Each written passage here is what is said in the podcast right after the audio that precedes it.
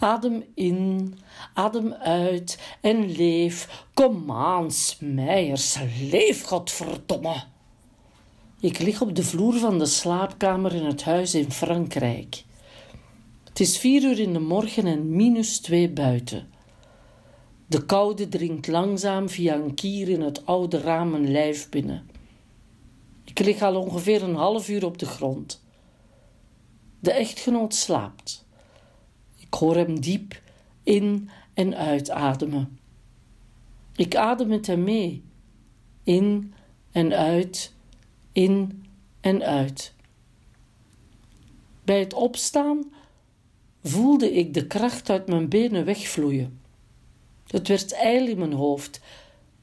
Ik herkende alle signalen van een appelflauwte. Uit een verre zwangerschapsverleden herinnerde ik me dat koude een goede genezer is. Daarom lig ik hier nu op de vloer en adem in en uit op het ritme van de ademhaling van mijn echtgenoot. Ik wil hier niet zijn. Afgelopen vrijdag hebben we je begraven. Gelukkig hadden we Caroline om ons te helpen. Ik heb een brief voorgelezen. Drie keer ben ik gestopt om adem te halen en mijn tranen weg te vegen. Maar ik heb het gedaan, precies zoals ik je had beloofd. Ik dacht na de uitvaart opnieuw gewoon te leven. Ik hunkerde naar werken, vrienden, vrijen en herleven. Hoe naïef denk ik bij mezelf. En probeer of ik al kan staan. De echtgenoot wordt wakker. Gaat het? vraagt hij. Oh, laat me met rust, blaf ik om de twee seconden later een welgemeende sorry te zeggen. Sorry, schat, voel me niet zo lekker. Hij zegt niets, heft de lakens op en trekt me tegen hem aan. Het is oké, fluistert hij en valt terug in slaap. Oh, ik voel overal pijn, mams, alsof ik griep heb. Ik durf niet aan jou denken. Dan overspoelt het verdriet me alsof ik verdrink in de Middellandse Zee. En ik heb dieptevrees. En er zwemmen ongeveer 45 verschillende soorten haaien in die zee. Ik wil hier niet zijn. Hier, dat is Frankrijk. Met 15 mensen in een huis terwijl ik genees in stilte en eenzaamheid. Maar de echtgenoot vroeg me om mee te gaan. Hij dacht dat ik me beter zou voelen onder vrienden. Ik liet me overhalen, tegen beter weten in. Sorry, zei hij gisteren. Dan herken ik wat ik voel: paniek. Ik had een ouderwetse paniekaanval. Ik ben bang om te leven zonder jou. Ik, de rebelse punker die jou meermaals de kast opjoeg. Die als kind en puber echt wel zonder jou kon. Hier lig ik dan, ineengedoken, koortsig, bibberend en vooral immens verdrietig. Ik wil hier niet zijn.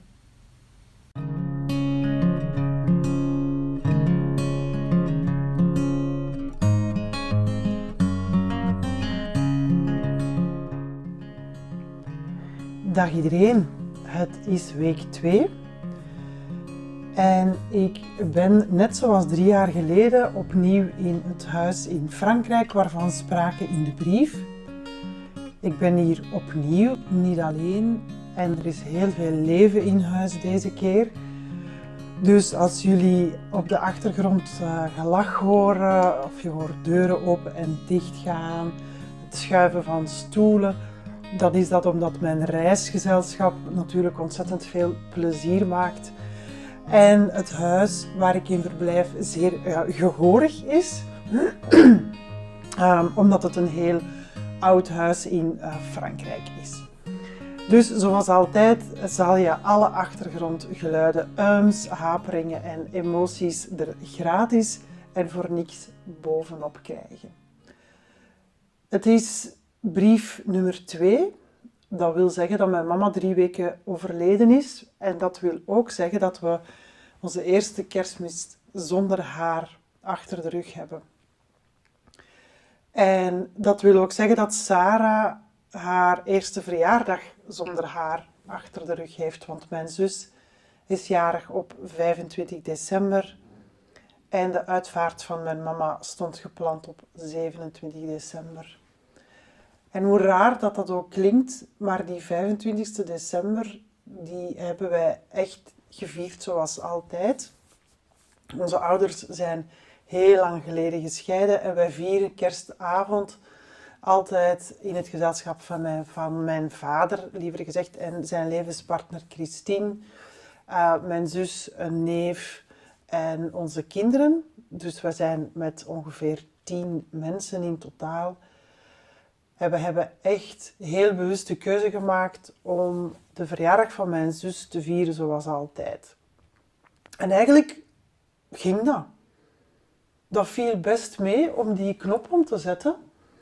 En om voor één avond is niet te denken aan het feit dat ze gestorven is, maar gewoon één avond te denken aan de verjaardag en aan het feit dat iemand er weer een levensjaar op heeft zitten en het volgende kan aanvatten.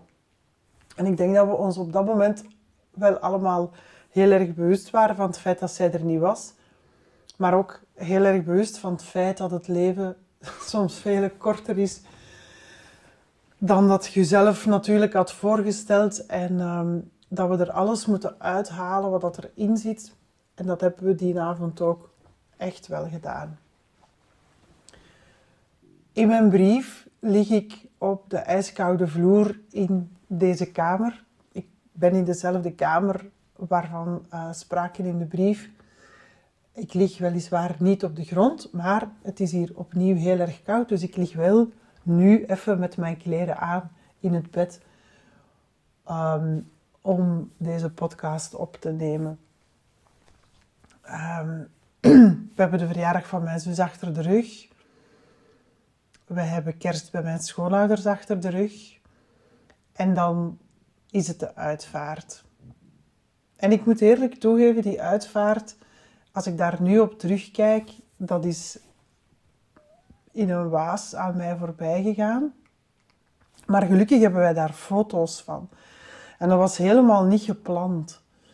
Maar voor iedereen die al eens een uitvaart heeft geregeld of heeft bijgewoond, dan weet je dat de familie er soms voor kiest om ehm, daar waar de mensen binnen te binnenkomen, liever gezegd, om daar op een rijtje te gaan staan om de mensen te begroeten en Rudy wilde dat ook heel graag. Dus wij stonden netjes op een rij.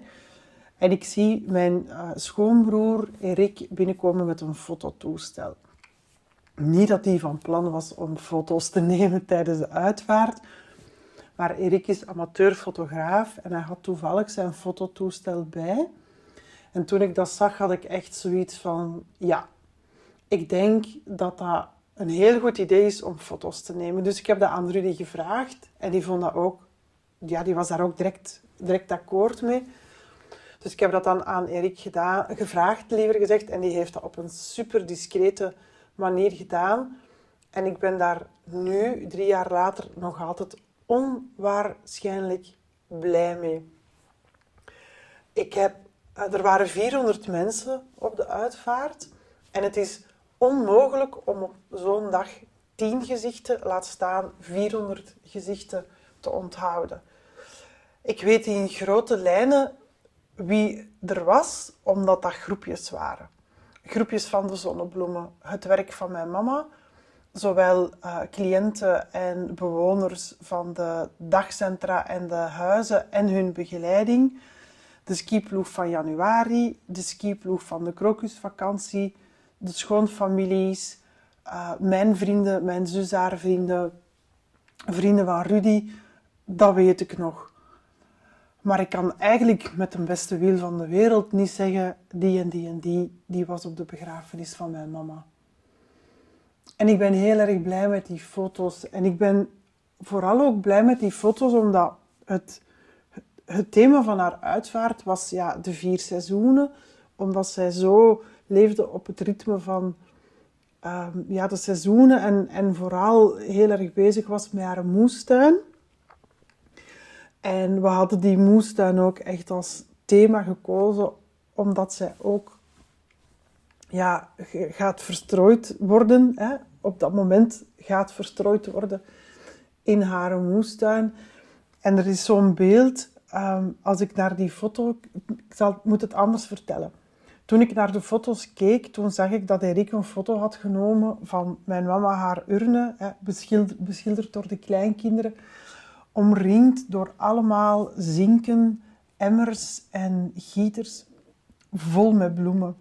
En ik had aan de bloemisten in Oelegem gezegd van ja, we willen eigenlijk een beetje het effect van zomerse veldbloemen. Want als ze in de zomer zou overleden zijn, dan zouden we daarvoor gekozen hebben. Maar ja, hoe doe je dat met winterbloemen? Ah, wel, die madame die is daar 100% in geslaagd. En als ik naar die foto kijk van die urne, omringd door die bloemen, dan krijg ik onmiddellijk.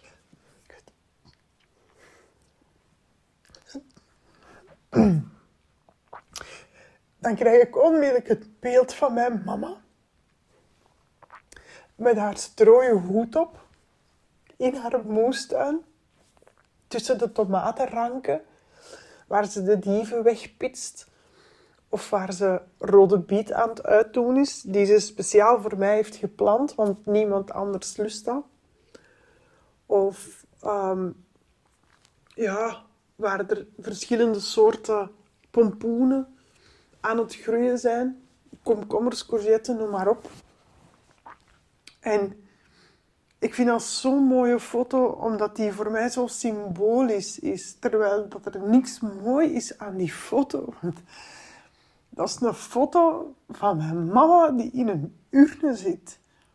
Dat is een lelijke foto en toch is die keischoon. Door die symboliek die daar voor mij aan gekoppeld is. En daarom ben ik zo blij met al die foto's van de uitvaart en waar ik ook super blij mee ben, dat is dat al die mensen daar waren. Dat is onwaarschijnlijk. En er zijn zoveel mooie dingen gezegd over haar. Wij hebben pas op de uitvaart geweten hoeveel dat zij betekende voor andere mensen.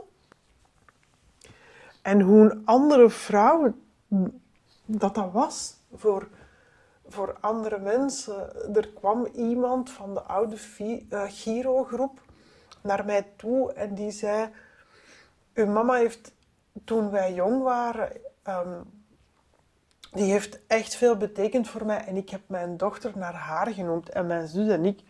Wij stonden zo naar elkaar te kijken en we hadden echt zoiets van: Maar wat is deze?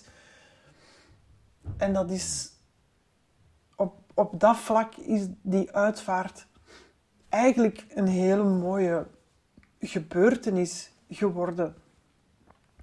En ik wil van, deze, van dit moment misschien gebruik maken om iedereen die dat daar was en die dat daar zo'n schoon moment van mee heeft gemaakt, een dikke, dikke, dikke merci zeggen. Want een paar maanden later was het corona en we hadden niet meer de gelegenheid om nog eens een keer naar de zonnebloemen te gaan, naar het dagcentrum waar mijn mama coördinator was, om, om alle gasten die haar jaren hadden gekend, om die nog eens te bedanken omdat zij er waren en, en, de begeleiding om met hen nog eens een woordje te doen. Dat is er eigenlijk op dat moment allemaal niet meer van gekomen en dat is jammer. Maar tegelijkertijd was dat voor mij ook heel welkom, die lockdown. Want zoals ik in mijn brief naar haar al schreef, ik wilde hier in Frankrijk niet zijn. Wij zijn de dag na haar uitvaart vertrokken naar Pousseau, waar we elke winter en minstens um, ene keer ergens in de zomer met vrienden doorbrengen. En dat was, ik wilde dat niet. Ik wilde alleen zijn. Ik ben iemand die rouwt in, in alleenzaamheid. Ehm, ik ben ook iemand die eigenlijk niet over haar gevoelens praat. Um, het feit dat ik van deze brieven een podcast heb gemaakt en elke week vertel hoe ik dat beleefd heb, dat is voor mij geen drempel overwinnen, maar dat is, dat is een berg beklimmen. Dat is een bergketen overwandelen.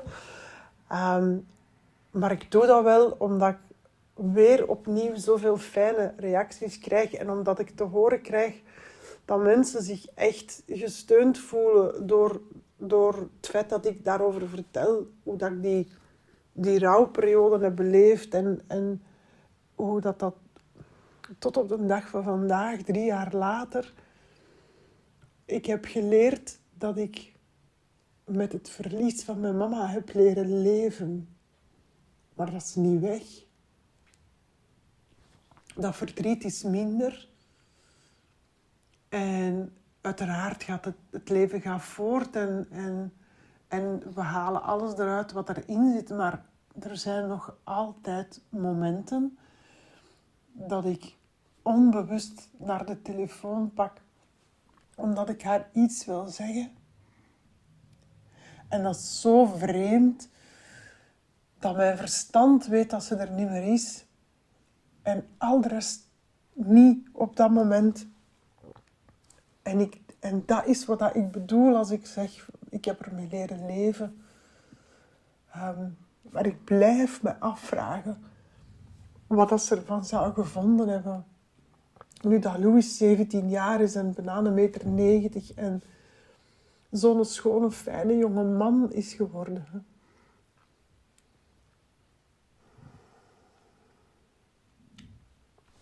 En het laatste kleinkindje, dat ze niet heeft zien geboren worden. En het blijft toch echt wel een gemis. Het blijft echt een gemis. Maar het leuke is aan het feit dat ik dit verhaal nu hier inspreek in Frankrijk. Het leuke is dat nu drie jaar later, dat dit huis gevuld is met, met gelach en met vrienden en familie en mijn leven, vooral mijn leven. En ik denk um, dat ik dat misschien ook wel aan jullie wil, wil meegeven in deze episode, in deze aflevering. Ik heb echt geleerd, opnieuw geleerd van te leven en ik geniet daar mijn volle teugen van.